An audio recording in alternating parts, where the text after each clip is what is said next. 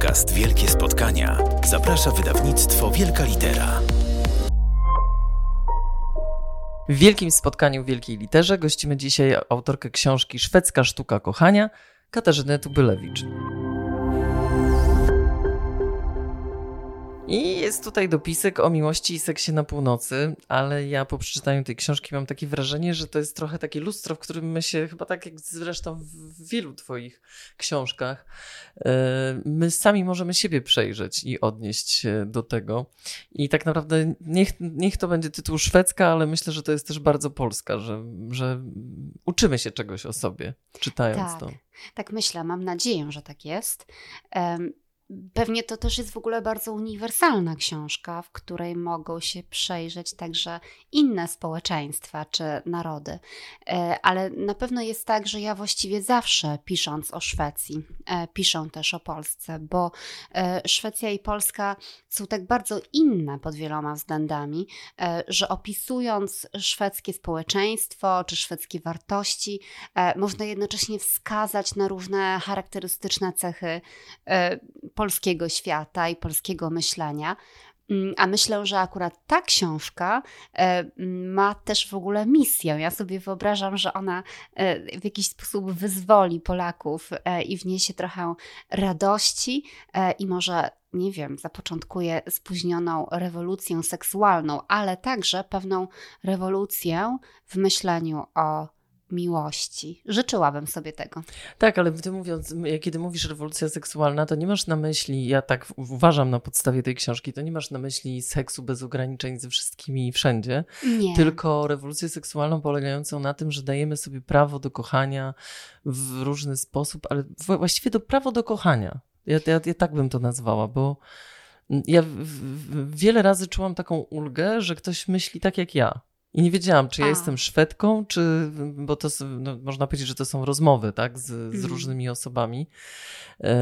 I, I kiedy ktoś wypowiadał, nawet to motto, które, które jest tutaj, że świat składa się z samych okazji do miłości. Kierkegaard. Tak, mhm. i my mhm. tę miłość, i, i my je tracimy. My te okazje przepuszczamy, bo tak. się w, wchodzimy na jakieś tory, gdzie w jakieś schematy, że tak powinna wyglądać miłość.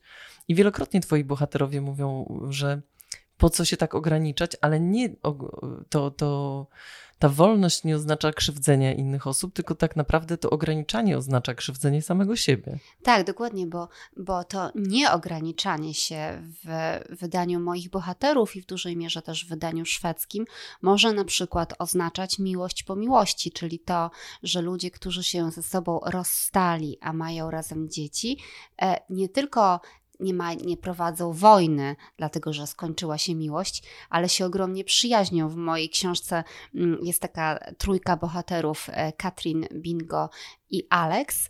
E, I to Katrin ma dwóch synów z Bingo i jednego syna z Alexem. Była z każdym z nich w dość długich związkach, ale dzisiaj e, ci ludzie są w innych relacjach uczuciowych, ale są jednocześnie rodziną, dla swoich dzieci i bardzo bliskimi przyjaciółmi, co oznacza, że na przykład jeżdżą razem na wakacje, jeżdżą razem na nartach, że mają zwyczaj, że raz w tygodniu e, jedzą wszyscy razem kolację, e, żeby dzieci miały poczucie, że e, rodzina wciąż jest pełna, pełna, chociaż ma inny kształt. Więc e, to jest jeden z przykładów takiego niewchodzenia na wyznaczone przez m, tradycyjne społeczeństwa tory, e, które to niewchodzenia takie tory po prostu oznacza e, przyjęcie przyjaźń zamiast e, niechęci, e, kiedy miłość się skończy, bo mm, na pewno w tej książce wyraźnie pojawia się taki wątek e, mówiący o tym, że Miłość jest bardzo wielką wartością, ale jej siła i, i wartość nie polega przede wszystkim na tym, że w tej samej formie ma trwać e, całe życie. My żyjemy genera generalnie w epoce monogami seryjnej mm, i nawet ci ludzie, którzy są bardzo nastawieni na to, by żyć tylko z drugim człowiekiem. Z reguły mają w swoim życiu kilka poważnych związków, a nie jeden, e, a, a w ogóle są jeszcze możliwe zupełnie inne konstelacje, także rozszerzone. W mojej książce jest cały rozdział na przykład o e, poliamorii. Ale wracając jeszcze do dwóch rzeczy, które powiedziałaś. Po pierwsze, strasznie się cieszę, że czułaś tę e, ulgę, że ktoś myśli tak jak ty, bo ja uważam, że my gdzieś, my ludzie, gdzieś w środku nas mamy jedno takie podstawowe podobieństwo, że my tak naprawdę bardzo pragniemy miłości i bardzo pragniemy wolności. E, i, I takiej wolności wyrażania siebie i jakiejś prawdy uczuciowej. E, I to jest często ograniczane przez kulturę, przez społeczeństwa. E, nie przypadkiem mm, pisał o tym jako pierwszy Freud, ale Freud przedstawiał taką dosyć pesymistyczną wizję społeczeństwa, że po prostu pewne popędy i pewne chęci musimy w sobie tłumić, bo inaczej społeczeństwo nie będzie funkcjonowało, ale już jego uczeń, o którego ja parokrotnie cytuję, e, Wilhelm Reich, który w latach 30. napisał świetną książkę o korzeniach faszyzmu i nazizmu, gdzie dowodził, że właściwie systemy autorytarne, bo ta książka myślę byłaby też dziś aktualna, e, mają to do siebie, że próbują ograniczać intymność ludzką, seksualność, e, kontrolować naszą e, właśnie erotykę, że gdzieś tu zaczyna się koniec demokracji, czy koniec poszanowania dla jednostki. I my to politycznie też dziś widzimy, prawda? Na przykład Putin e, zdecydowanie walczył z osobami LGBT i, i znamy także takich polityków w Polsce, którzy mają dokładnie takie zapędy. I to się zawsze wiąże e, z w ogóle niezbyt e, takim pozytywnym stosunkiem do demokracji jako takiej. Mm, Reich też twierdził, że ale czekaj, poczekaj, chcesz powiedzieć, że nasza swoboda seksualna to jest podstawa taka, pierwsze prawo demokratyczne. No to tak? jest prawo człowieka. Reich twierdził mhm. jeszcze, cytując go po raz drugi, e, że społeczeństwom nie szkodzi spełnienie ani orgazm, tylko brak, tylko patriarchat. Patriarchat jest już wtedy o tym e, wiedział e, i, i pisał. E, ja, ja myślę, e, że mm, my żyjemy w świecie. Polska, to co jest charakterystyczne dla Polski, e, to jest to, że to jest kraj, w którym temat ojczyzny, temat wielkiej sprawy, temat albo toczącej się wojny, albo powstania, albo zaborów, no generalnie wielka sprawa polityczna był zawsze ważniejszy niż temat ludzkiej intymności. W związku z tym my nawet nie wykształciliśmy języka, ani też odwagi mówienia o sprawach intymnych, o miłości, a także o erotyce mm, w sposób poważny e, i traktujący te doświadczenie jako jedno z podstawowych naszych doświadczeń egzystencjalnych. Na pewno jest tak, że społeczeństwa składające się ze spełnionych jednostek są same w sobie bardziej harmonijne. To jest po prostu e, logiczne. Także tak, oczywiście e, prawa, mm, pra, prawo do wolności i prawo do, do szczęścia w miłości, a także w erotyce nie jest jedynym prawem człowieka, ale myślę, że jest bardzo ważnym prawem człowieka. Więc... Ale też nie chodzi tutaj o, bo jak mówimy o tym seksie, o tym, nie chodzi tylko o fizyczne doznania i ty to bardzo podkreślasz tutaj. Tak, ja to bardzo podkreślam, choć jednocześnie właśnie, żeby już, kiedy przyszłam na nasze spotkanie, to powiedziałam właśnie o tym, że moja książka tak naprawdę mówi o miłości i próbuje poza tym, by odpowiedzieć na pytanie, czym różni się doświadczenie miłości w społeczeństwie takim indywidualistycznym, bardzo tolerancyjnym, jakim jest społeczeństwo szwedzkie, od tego doświadczenia w Polsce, no to chciałam też w ogóle spróbować odpowiedzieć na pytanie, czym miłość jest, bo intuicyjnie czułam, że my mamy bardzo dużo odpowiedzi na to pytanie i że naprawdę jest tak, że to, czym jest dla nas miłość, w dużej mierze zależy od tego, kim my sami jesteśmy mm, i że właśnie piękno miłości polega też na tym, że ona jest dość trudna do zdefiniowania, a zarazem wszyscy gdzieś tam, albo przynajmniej większość z nas zgadzamy się, że jest tak strasznie e, w życiu ważna. Ale powiedziałam o tym, że pomimo, że napisałam książkę o miłości, to strasznie dużo ludzi w Polsce chce ze mną rozmawiać o seksie, o erotyce, choć w tej książce właściwie tylko dwa rozdziały mają erotykę, znaczy uczyni, uczyniłam w nich erotykę głównym tematem. E, to jest jeden rozdział o, o tantrze, a drugi roz, rozdział o takim życiu e, w rzeczywiście uprawianiu bardzo wolnej miłości, wręcz w promiskuityzmie, ale myślę, że pokazuję ten promiskuityzm od takiej bardzo pięknej e, i pełnej szacunku dla e, drugiego człowieka strony.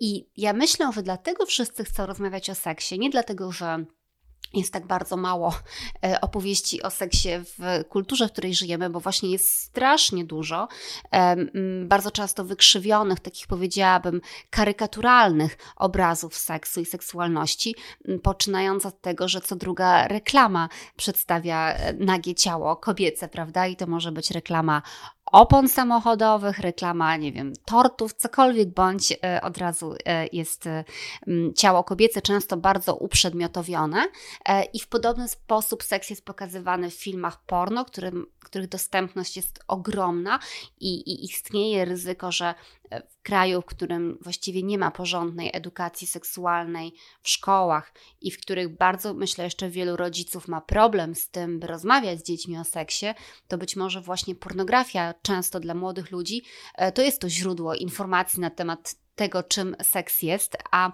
od razu można sobie powiedzieć, że no, no nie jest tym, e, czym, czym e, czynią go filmy porno. Ale Mm, w mojej książce po prostu pojawia się, jak sądzę, bardzo istotny wątek dotyczący się erotyki. A mianowicie ja mówię e, o tym, że większość moich rozmówców, nawet tych, z którymi o seksie w sumie nie rozmawiam, zgadza się co do tego, że możliwy jest dobry seks, dobra erotyka bez miłości. E. Że można uprawiać seks z przyjaźni, e, że można mieć jakąś przypadkową przygodę, która będzie piękna i że w tym nie ma nic moralnie złego, że to po prostu jest część czasami naszego rozwoju, czasami poszukiwania miłości, czasami sposób na przeżywanie życia erotycznego, bo, bo różni ludzie mają w tej dziedzinie różne potrzeby, ale jednocześnie ci wszyscy ludzie zgadzają się co do tego, że po pierwsze, seks ma być przyjemnością dla obu osób, a po drugie, że właśnie ta erotyka wyzwolona ma być pełna szacunku i zachwytu drugim człowiekiem.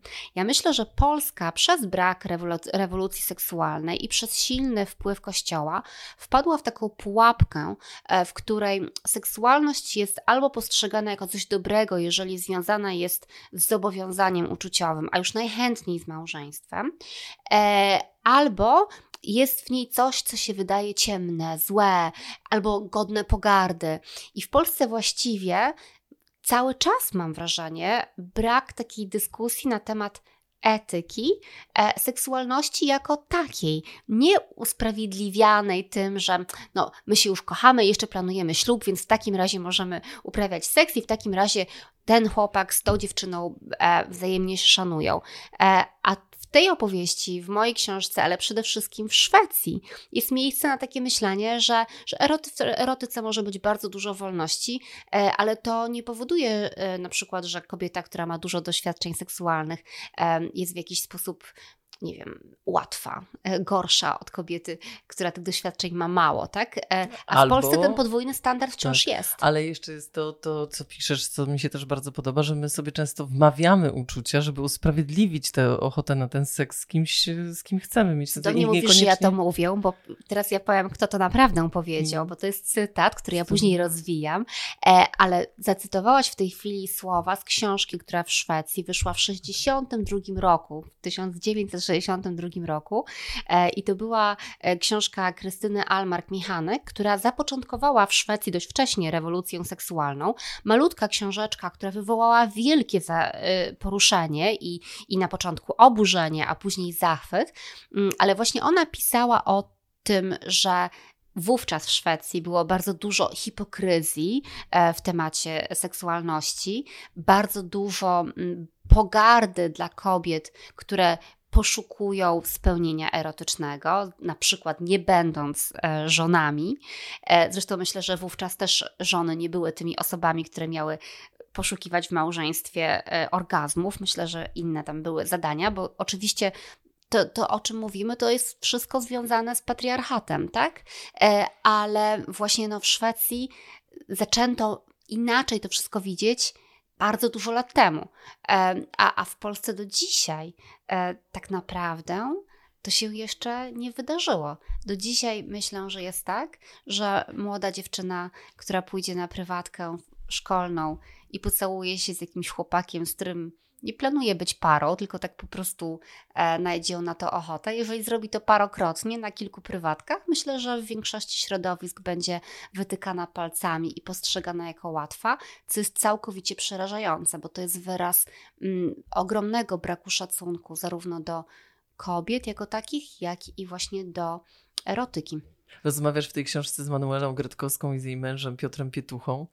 I bardzo mi się podobał fragment o syndromie sztokholmskim, który, który dotyczy Polek. Ja może to zacytuję, bo e, że jest w Polkach jakaś uległość, chęć dostrojenia się do mężczyzny, która jest głęboko patriarchalna, nie dość świadoma.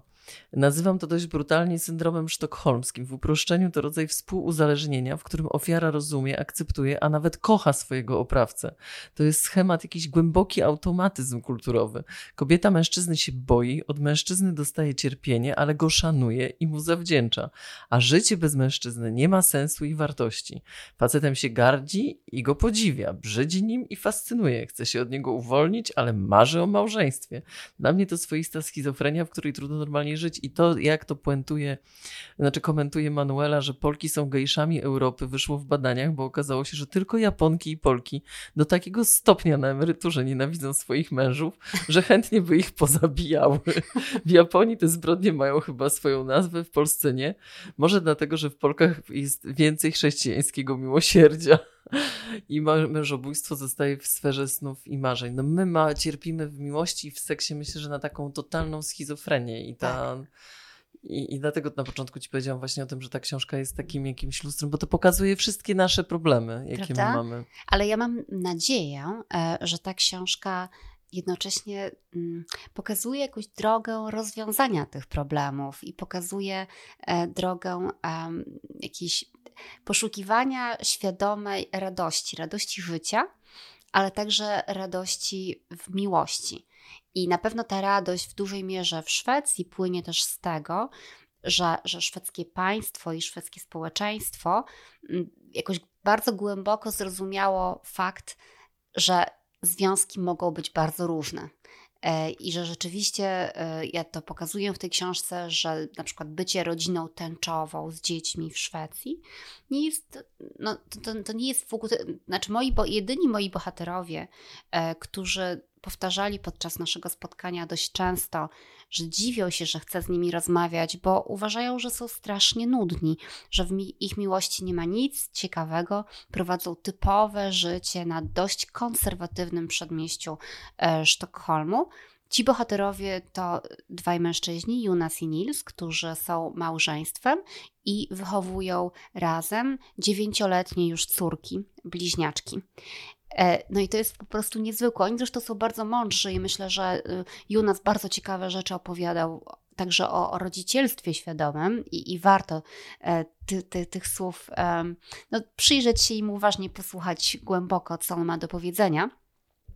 E, ale, ale to jest niesłychane. On zresztą dochodzi do tego w rozmowie ze mną, że może rzeczywiście nie docenia tego, w jakim kraju żyje, bo po prostu nie przychodzi mu nawet do głowy, że to, że kocha mężczyzn, mogłoby stanowić jakąkolwiek przeszkodę e, w jego planie mienia takiego bardzo zwykłego życia, e, małżeństwo, dom z ogródkiem, dzieci e, i po prostu dobre, spokojne życie, bo to jest jego obraz miłości idealnej. Ale to nie jest też tak, że to jest całkowicie różowo, bo nam opisujesz czasami, nawet w takim społeczeństwie, jak, jakim, jakim jest społeczeństwo szwedzkie, że oni też mają swoje problemy z tym związane. A, oczywiście. To znaczy, po pierwsze, mm, jeżeli chodzi o, o, o właśnie taką tolerancję dla innych związków, to na pewno e, związki poliamoryczne e, są e, po pierwsze rzadziej spotykane, po drugie, częściej, jeśli są, to są bardzo dyskretne. Jeżeli ludzie na przykład mają otwarte związki,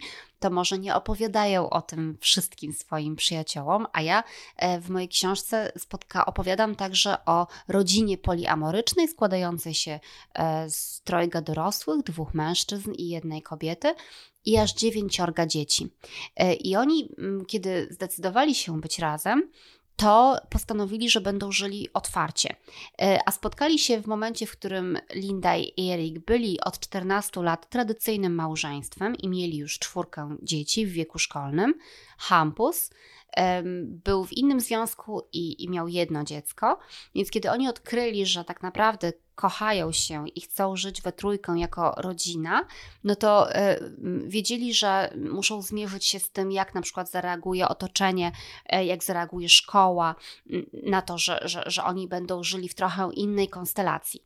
E, I opowiadają o tym, że mieli trochę problemów. Po pierwsze, na początku ich decyzja wywołała szok w najbliższej rodzinie i właściwie wszyscy na jakiś czas zerwali kontakty ze swoimi rodzicami, przy czym te, te, te relacje się później odbudowały i dzisiaj e, dobrze już funkcjonują, ale, ale był taki moment e, po prostu niedowierzania i braku akceptacji. Mm, a poza tym opowiadają o tym, że raz zdarzyło się w szkole, że jedno z ich dzieci miało jakieś problemy i oni poszli we trójkę na rozmowę na ten temat, i psycholog szkolny e, poprosił, aby jeden z nich, to znaczy e, Hampus, który nie był biologicznym ojcem dziecka, żeby wyszedł ze spotkania i w jakimś raporcie napisał, że partner seksualny Lindy i Erika chciał wziąć udział w tym spotkaniu. Więc to było bardzo takie, mm, takie ostre nie ze strony psychologa, ale co się stało i o czym oni mówią, że mm, oni napisali skargę, dlatego że uznali, że zostali bardzo źle potraktowani, w efekcie czego ten psycholog stracił pracę. Uznano, że on po prostu nie nadaje się do tego, tego, by pracować e, z młodzieżą i, i w ogóle pracować w szkole. Natomiast we wszystkich innych sytuacjach, na przykład podczas porodów, czwórki ich dzieci, które urodziły się już, kiedy byli e, rodziną trzyosobową, mm, opowiadali, że właściwie wszystkie instytucje państwowe ze szpitalem na czele no, stanęły na wysokości zadania i że oni spotkali się właśnie z ciepłem, z otwarciem. I to jest ciekawe, bo to są ludzie, którzy żyją w małej miejscowości na północy Szwecji, czyli w takiej okolicy, która może nie kojarzy się e, z jakąś boemą artystyczną i z takimi bardzo nowoczesnymi koncepcjami. Myślę, że tam w ich sąsiedztwie nikt wcześniej nie słyszał w ogóle o słowie poliamoria, ale z jakiegoś powodu um, ta rodzina została przez swoją społeczność zaakceptowana i, i um, oni dzisiaj są takimi nawet trochę celebrytami, na może nie jakąś wielką skalę, ale mają mm, bardzo popularne konto na Instagramie,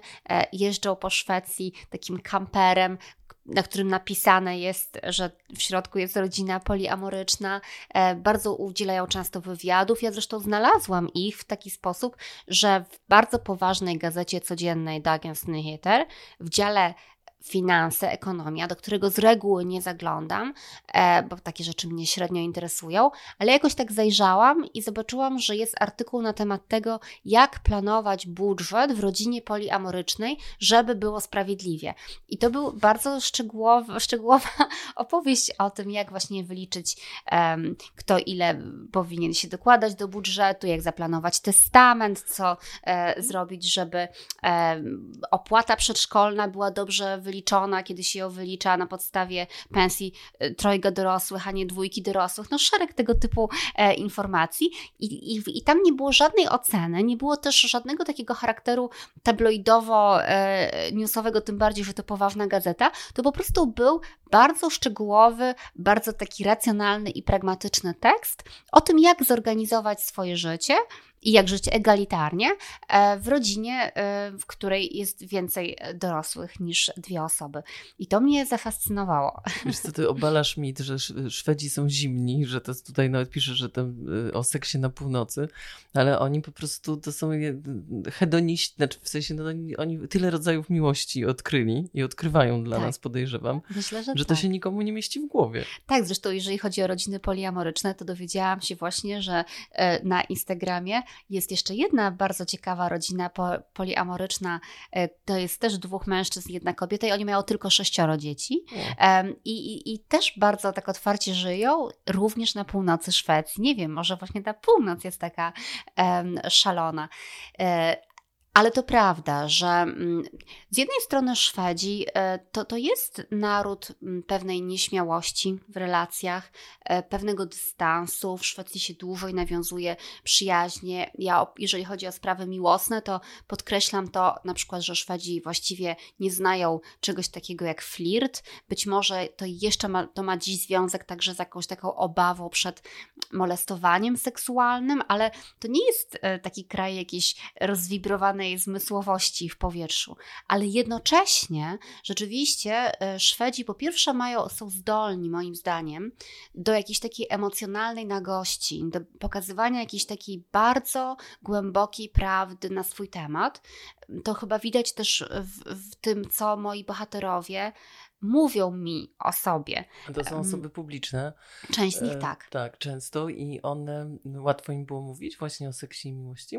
No właśnie nie było wcale im tak trudno mówić, właśnie to było niezwykłe. Ja zawsze gdzieś tam sobie to też tłumaczę tym, że może ja mam takie zdolności wydobywania z ludzi różnych opowieści i że trochę tych Szwedów otwiera to, że ja mm, nie jestem Szwedką, a jednocześnie bardzo dobrze Szwecję znam, czyli jestem taką osobą ich rozumiejącą, ale z zewnątrz, co być może tworzy jakąś większą wolność.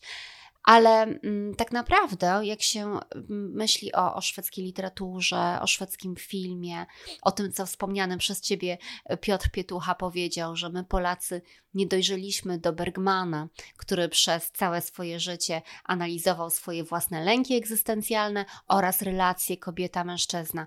Ja myślę, że w Szwecji tak naprawdę po prostu jest mniej zakłamania e, i więcej, mm, być może takiej obecnej w kulturze, być może obecnej dlatego, że Szwedzi mają bardzo specjalny i moim zdaniem wyjątkowo dobry stosunek do dzieci.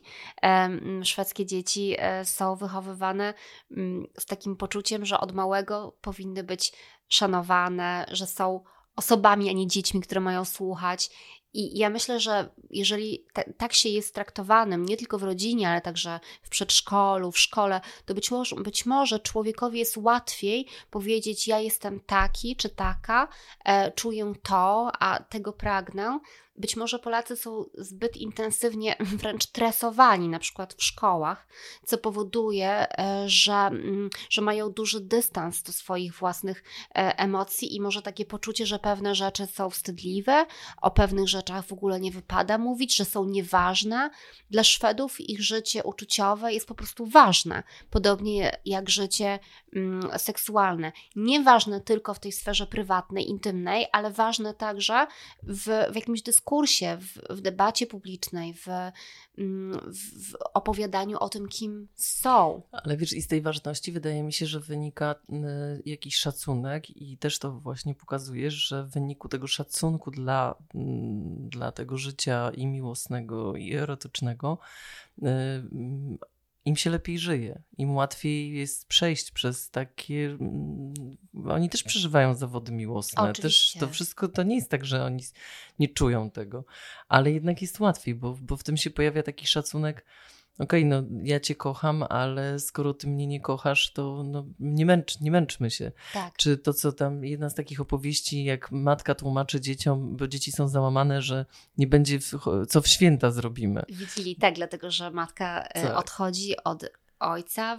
Zresztą dzieci są już właściwie dorosłe, prawie dorosłe, e, ale, ale córka, 17-letnia chyba, zadaje pierwsze pytanie, ale mamo, ale co z Wigilią? Tak. Czy mama ma się męczyć przez 364 dni w roku, po to tylko, żebyśmy przy tej Tańczyli Wigilii... wokół tak, choinki, tak. Tak, dokładnie. E, tak, to ja, ja uważam, że to jest w ogóle bardzo ważna opowieść. Zresztą powiedzmy, że ta bohaterka, która podaje zresztą swoje imię i nazwisko, która jest profesorką e, literatury polskiej na Uniwersytecie w Uppsali, bardzo znaną e, w swoim środowisku osobą, ona e, bardzo odważnie, moim zdaniem, łamie pewne tabu, które jest obecne zarówno w Polsce, jak i w Szwecji, a mianowicie tabu związane z tematem zdrady, bo z innych powodów e, Szwedzi nie lubią zdrady niż Polacy. W Szwecji uważa się, że ponieważ i tak małżeństwo ma być związkiem romantycznym, nie relacją, nie, nie instytucją, nie jakąś taką wspólnotą ekonomiczną, gdzieś ktoś jest od kogoś zależny. Przypominam, że w Szwecji jest indywidualne opodatkowanie małżeństw, także łatwiej jest też się e, rozstawać. I ponieważ w Szwecji też dopuszcza się związki otwarte, jeżeli ktoś chce, może tak sobie układać życie, no więc po co zdradzać kogoś w takiej sytuacji? E, po co to mówi jedna, jedna z moich rozmówczyń, taka pisarka Lena Anderson, że tu jest jakaś taka wielka nieuczciwość, czemu to robić? E, w Polsce, no to zdrada to w ogóle e, ma być przede wszystkim jakiś występek przeciwko rodzinie. Tymczasem zdrada jak prawdopodobnie wszyscy wiemy, bo widzieliśmy sporo takich sytuacji w życiu, kiedy ktoś kogoś zdradził, e, z reguły, jeżeli, jeżeli doprowadza do tego, że ktoś od kogoś odchodzi, e, po prostu wiąże się z tym, że ta wcześniejsza miłość się skończyła i być może ktoś tego nie zauważył, być może ktoś zauważył to wcześniej, być może ktoś nawet nie wiedział, że może czuć tak jak poczuł, e, kiedy spotkał kolejną osobę. Miłość nie jest czymś do końca przewidywalnym. Mnie dlatego bardzo śmieszy, e, takie mm, wręcz śmieszy, naprawdę, e, mówienie o tym, że że miłość to przede wszystkim ma być praca i obowiązek, i że jeżeli ktoś komuś przysiągł, że go będzie kochał całe życie, no to przecież trzeba dotrzymać tej przysięgi. Nie da się czegoś takiego dotrzymać, no bo to jest właśnie miłość, czyli uczucie. Kasia, to jest mój jeden, z, kolejny mój ulubiony cytat. E, cytujesz znowu e, kogoś, a ja oczywiście nie zapisałam kogo, ale tutaj wiem, że to cytujesz. Chcesz, żeby twoje małżeństwo trwało całe życie. Chcesz, żeby osoba, z którą jesteś, nigdy więcej nie pocałowała nikogo nowego, nigdy nie przeżyła tego stanu upojenia. Jak można z tym żyć? To jest cudowne, prawda? To mówi Tania Suchina, e, taka szwedzka seksuolożka i psycholożka, która jest otwarcie poliamoryczna, mm, ale zajmuje się etyką monogami e, i pokazuje, że właśnie w monogami tkwią też takie bardzo głębokie problemy związane z ograniczaniem czyjejś wolności, czy traktowaniem kogoś jako swojej własności. No więc właśnie, więc wracając do wspomnianej już e, profesorki Anny Pakelen, e, to ona e, zakochała się w innym mężczyźnie po długim związku e, ze swoim mężem, e, byłem już. I to jest piękne w rozmowie z nią, że ona podkreśla, że mąż, którego zostawiła, był dobrym mężem, był świetnym przyjacielem, był wspaniałym ojcem. Oni świetnie funkcjonowali jako team. E, I ona mówi, że właściwie byłoby jej łatwiej móc powiedzieć, że był dla niej zły, że ją bił, że był alkoholikiem, bo to by może usprawiedliwiło, że ta miłość się skończyła. No ale nie, właśnie on był świetny, ale jednak coś się wypaliło i ona po prostu bardzo głęboko zakochała się w innym mężczyźnie, z którym zresztą jest już dość dużo lat. Oni chyba już z 15 lat są razem i są cały czas równie mocno e, zakochani. E, I ona mm, pokazuje drugą stronę tej dyskusji o tym, a co z rodziną, a co z dziećmi, bo ona wydaje mi się, że nauczyła swoje córki tego, że nawet będąc kobietą po pięćdziesiątce, po pierwsze można się właśnie zakochać i można walczyć o swoje szczęście, że zawsze mamy do tego prawo i że to nie jest tak, że dlatego, że mamy dzieci, to jesteśmy zobowiązani e, do tego, żeby już zawsze siedzieć w wypalonym związku, patrzeć na Netflix, czasami zdecydować się na jakiś film e, do wypożyczenia też w internecie i że to, to już po prostu tak musi być, dlatego że dzieci wierzą w to, że my zawsze będziemy razem. Przecież dzieci też mogą znaleźć się w takiej sytuacji wyboru. E, I dobrze, żeby wiedziały, że mogą wybrać po prostu swoją prawdę uczuciową. A piękne też w Szwecji jest to, że nawet po takich rozstaniach, które są jakąś katastrofą, bo tutaj zdecydowanie to była katastrofa dla, dla, dla byłego już męża um, pani profesor okazało się, że jednak po jakimś czasie oni się bardzo zaprzyjaźnili i teraz spędzają wigilię razem. Jej były mąż jest w szczęśliwym nowym związku, także wszystko się e, ułożyło. I, i jednocześnie nie, nie zabito czegoś, bo, bo czasami rezygnacja z miłości jest zabiciem czegoś, dlatego ja osobiście nie przepadam, chociaż z jednej strony e, kocham film z Mel Streep i Clintem Eastwoodem, jak to się nazywało? Coś tam, e, mosty... Most, e, na moście się tam... Prawda? Ja nigdy nie zrozumiałam, dlaczego ona dokonała dobrego wyboru, nie, nie, nie podążając za miłością. Chociaż e, przekaz tego filmu, dość właśnie konserwatywnego, e, jest taki, że, że to było bardzo dobre, że została z mężem. Bo może to chodziło o to, że skąd ona mogła wiedzieć, czy to jest prawdziwa miłość, tak? No tak, ale tutaj myślę- e, ta bohaterka, o której e, rozmawiałyśmy, moja Polka w Szwecji, e, też powiedziała, że ona Madison nie... O, tak. Ona powiedziała też, że nie miała żadnej gwarancji, że ta nowa miłość będzie trwała, e, że, że się nie zawiedzie, ale ja myślę, że moja książka pokazuje, że do miłości czasem potrzeba też odwagi. I to, co łączy moich bohaterów, jak sądzę, to jest odwaga, która się wyraża na różne sposoby, bo mamy też tutaj e, właśnie trochę w mojej książce jest bohaterów, którzy są Polakami, co też nie jest przypadkiem, bo czasami wydaje mi się, że ludzie żyjący w jakimś kraju, a z niego nie pochodzący, jeszcze wyraźniej go widzą niż ci, e, którzy się w nim urodzili. A poza tym mam wrażenie, że ja pokazuję, że, że ta wolność myślenia, wolność czucia, samoświadomość to nie jest coś genetycznego. To jest raczej tak, że po prostu pewne społeczeństwa pozwalają jednostkom na to, by w pełni się rozwinęły. E, I szwedzkie społeczeństwo, moim zdaniem, stwarza do tego jakieś takie bardziej e, przychylne warunki. Ale e, na przykład w mojej książce są ucho, uchodźczynie miłości z Polski. E, Dwie mm, dziewczyny, Alicja i Kamila, które e, są małżeństwem i wyjechały z Polski mając po 40 parę lat, kiedy miały bardzo dobre prace, mieszkania, przyjaciół i kiedy wyjazd w ogóle jest czymś trudnym, nie znały języka szwedzkiego, a jednak wyjechały, dlatego że stwierdziły, że już nie mogą znieść nagonki mm, politycznej na osoby LGBT, a poza tym marzyły o tym, by po prostu żyć takim otwartym życiem, trzymać się za rękę na ulicy, być traktowane jako małżeństwo przez urzędników, przez instytucje państwowe. E, chciały, e, Alicja mówi o tym, że, że chciała wsiąść do taksówki i powiedzieć taksówkarzowi: Nie jedźmy, poczekajmy jeszcze na moją żonę i nie bać się reakcji tego taksówkarza.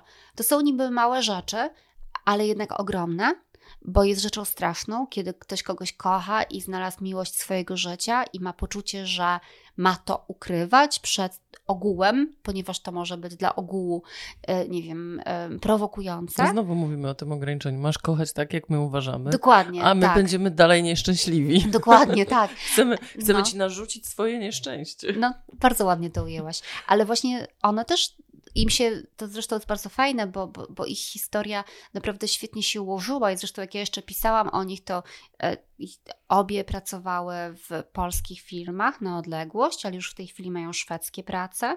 Także ta, ta ich emigracja naprawdę świetnie poszła, sprzyja im wszechświat, ale to była też odwaga wyjechać i zbud- zacząć budować wszystko od nowa w imię tego, by kochać otwarcie. A wiesz, o czym myślę też, że to, to jest, ym, przewija się też jeszcze jeden wątek taki, że y, można kochać kogoś na jakimś etapie życia i potem, i, i on zostaje w tej, znaczy zostaje to uczucie miłości, ale ty się rozwijasz, on się rozwija w jakimś innym kierunku i kolejna miłość też się rozwija. Oczywiście, my się rozwijamy. Ja w ogóle w to właśnie wierzę, że miłość, taka silna miłość jest transformującą siłą e, i jest czymś, co czasami bardzo nam pomaga w rozwoju. My zresztą w każdej miłości jesteśmy trochę inni. Także to jest też tak, że miłość jest też odkrywaniem siebie. E, I, i, I wydaje mi się, że jeżeli byśmy się pozbyli tych wszystkich społecznie narzuconych e, koncepcji na temat tego, że jeżeli miłość się kończy, to znaczy, że jej nie było, co jest absolutną bzdurą, prawda? Albo, że jeżeli miłość się kończy, to nie może być przyjaźni. Nie wiadomo, dlaczego właśnie powinna być, prawda? Bo jeżeli spędziło się ze sobą wiele lat w wielkiej bliskości, jeżeli bardzo dobrze się siebie wzajemnie zna, no to można być po prostu najlepszymi przyjaciółmi e, dla siebie. I em, zresztą pamiętam, że była żona Janusza Głowackiego. Mówiła o tym, że on był najlepszym możliwym byłym, byłym mężem, jakiego można sobie wyobrazić. Także też zdarzają się takie historie, e, o których słyszeliśmy i które się wydarzyły nie tylko w Szwecji, ale, ale myślę, że jest bardzo dużo takiego schematycznego, e, społecznego myślenia na temat miłości, które w sumie jest niezwykle krzywdzące, ograniczające i prowadzi do tych e, wojen rozwodowych, prowadzi do takiego poczucia, że, e, że ludziom się myli związek, a zwłaszcza małżeństwo z więzieniem, e, prowadzi do tego, że ludzie m, mm, często e, utykają w jakichś związkach nieudanych e, i, i tkwią w nich coraz bardziej zgorzkniali um, przez, przez całe życie, albo nie pozwalają sobie, nie będąc w związku, na to, by kochać trochę inaczej niż wszyscy wokół. Co ciekawe, znowu wracając do poliamorii, e, ja zwróciłam uwagę na to, że ci moi e, poliamoryczni bohaterowie, którzy są rodziną i jak mówią, są wierni sobie we trójkę, oni podkreślają, że, że ponieważ ich związek jest bardzo niestandardowy, ponieważ e, nie widzieli wcześniej takich związków, e, jakie, jakie sam dzisiaj tworzą, e, to ich relacja jest niezwykle bliska, bo oni nieustannie muszą ze sobą negocjować, rozmawiać, sprawdzać, jak wszyscy w tym związku się czują. Więc być może w ogóle jest tak, że właśnie takie odejście od schematu, odejście od tego autopilota, od y, tej takiej e, koncepcji, jak ma wyglądać e, idealny związek, powoduje, że dopiero ludzie naprawdę mogą się do siebie zbliżyć, bo zaczynają być prawdziwi i mówią o tym, co czują, a nie dostosowują się do tego, jak powinna ich relacja wyglądać. To oczywiście jest też w pełni możliwe do zrealizowania w tradycyjnych monogamicznych związkach, które są ze sobą e, wiele, wiele lat. I w mojej książce są takie związki. Myślę, że między innymi Manuela e, i Piotr są takim związkiem e, wspaniałym, bardzo długo już trwającym, czy na przykład Maciej Zaręba i Agneta Plejel ale ja myślę, że gdzieś jest coś takiego, że samoświadomość też pomaga w tym, by, e, żeby miłość była po prostu bardziej szczęśliwa, by nie była tym krzyżem. E, wiem, że na naukach małżeńskich katolickich co jakiś czas się słyszy taką koncepcję, że to jest w ogóle krzyż. Albo, że kobieta, która na przykład ma męża alkoholika, który ją bije, powinna jednak zostać z nim. Bo to jest krzyż, który trzeba nieść. Ja kiedyś słyszałam chyba najlepsze kazanie w czasie ślubu mojego kumpla surfera, młodzi, piękni, opaleni, a ksiądz zaczął mówić, ona jest dzisiaj piękna, ale pomyśl sobie, będzie stara, będzie brzydka. No to jest koszmar, prawda? Właśnie ta koncepcja. I w tym pięknym dniu powiedział, jaki, jakiego koszmar czeka. Co prawda we mnie się wtedy obudziła dusza feministki, a on jaki będzie? Ale poza tym właśnie znowu, ja chciałabym powiedzieć, że chyba najbardziej romantycznym związkiem, też najbardziej szalonym związkiem i takim związkiem, co do którego naprawdę, po pierwsze, jak się z nimi spotkałam i rozmawiałam z nimi o ich miłości, to miałam naprawdę cały czas dreszcze, bo ci ludzie mają taką energię i jakąś taką, tak emanuje z nich właśnie miłość i szczęście, E, że to się udziela tym, którzy ich spotykają. Mm, a poza tym to są ludzie, którzy oddali mi swoją mm, korespondencję miłosną, to znaczy no nie całą korespondencję, bo napisali do siebie jakieś tysiąc e, listów, zanim zostali małżeństwem, czy głównie maili, bo to dzisiaj taka jest korespondencja miłosna, ale dali mi kilka tych swoich maili, które były pisane w języku szwedzkim, e, teraz pojawiły się w języku polskim. Ja się popłakałam, jak to czytałam. Mariusz Szczygieł też płakał właśnie nad tym rozdziałem, a dlaczego? Dlatego, że to jest przepiękna, wielka miłość, która przyszła do ludzi dość późno. E, on miał 66 lat, kiedy zakochał się do szaleństwa w Lilianie, mm, a ona prawie 50. E, I oni żyją już e, w tym bardzo romantycznym związku, gdzie zdarzają się historie jak wysypywanie płatkami róż drogi od ganku do łóżka przez obchodzenie wszelkich możliwych rocznic od pierwszego pocałunku przez e, pierwsze jakieś wyjazdy razem. No oni mają całą masę rocznic i jest jakaś taka wielka radość i celebracja tego bycia we dwoje. Także wielka fascynacja erotyczna, o której oni nie mówią e, bardzo dużo, ale która emanuje e, z nich i z tego tekstu, jak sądzą też. No więc to jest właśnie to, że, że miłość to nie jest coś, co się przeżywa tylko i wyłącznie w młodym wieku. Na to można być zawsze otwartym. Myślę, że więcej... dojrzale, jak jesteśmy starsi, dojrzalej y, do niej podchodzimy i i się skupiamy na tej miłości, a nie na, na, na takich atra- czymś, co przyciąga tylko. Tak, no poza tym to jest też trochę tak, że jak już się ma odchowane dzieci e, i, i nie ma się tego całego szeregu obowiązków, które mm, no, potrafi, ludzie potrafią pięknie łączyć e, mienie dzieci, czasem wielu dzieci z, z miłością, ale, ale to jest jednak coś, co odbiera czas um, do bycia we dwoje czy we troje, jak w rodzinie e, poliamorycznej ale, ale, ale właśnie kiedy już, już załatwiło się te, tę część e, życia, kiedy człowiek mm, w jakiś sposób jest zrealizowany e, zawodowo i, i podąża nawet cały czas tą samą ścieżką, ale nie jest na etapie budowania swojej kariery, no to nagle jest ten czas, jak sądzę, na to, by, by właśnie kochać. E, I być może też większa odwaga otwierania się, bo, bo ja myślę, że, że ta prawdziwa miłość wymaga też bardzo dużo miłości do, sam, do samego siebie, e, dlatego że aby odważyć się na taką prawdziwą intymność, m, trzeba odważyć się na odsłonięcie swoich słabych stron. I bardzo wielu ludzi m, ma z tym ogromny problem. To często są rzeczy, które jeszcze są z dzieciństwa.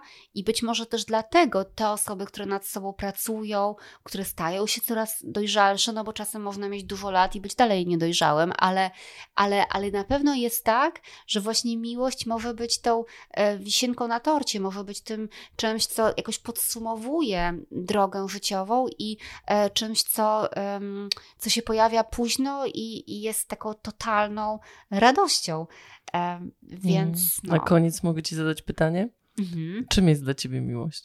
No ja właśnie nie wiem, ja dlatego napisałam książkę, bo ja się wciąż zastanawiam. Ja właśnie naprawdę, to znaczy teraz zaczęłam stosować um, taką definicję, którą e, mają moi bohaterowie, znaczy, bo odkryłam nagle, że większość moich bohaterów jest w jakiś sposób właśnie zbuntowanych, trochę na przekór normie, więc na pewno jest tak, że ja mam w sobie bardzo silny element buntowniczy e, i na pewno jest tak, e, że dla mnie w miłości jest ten taki element, właśnie trochę powiedziałabym nieuczesany, ten taki element wyzwalania się z okowów e, społeczeństwa e, i taka bliskość mm, totalna z tego wynikająca. Ale jednocześnie myślę, że sama mam wiele definicji. Myślę, że te definicje się bardzo zmieniały, e, że zupełnie inaczej definiowałam miłość, jak miałam lat 15, 20, 30, a teraz jestem w takim momencie, w którym się nad tym intensywnie zastanawiam. E, ja zawsze chyba piszę książki o czymś, co gdzieś tam ze mnie też wychodzi. I zawsze bardzo ciekawe i polecamy Państwu. Szwedzka sztuka kochania. Dzięki ogromne. Podcast Wielkie Spotkania znajdziecie na naszej stronie wielkalitera.pl, Spotify, Google Podcast i Apple Podcast.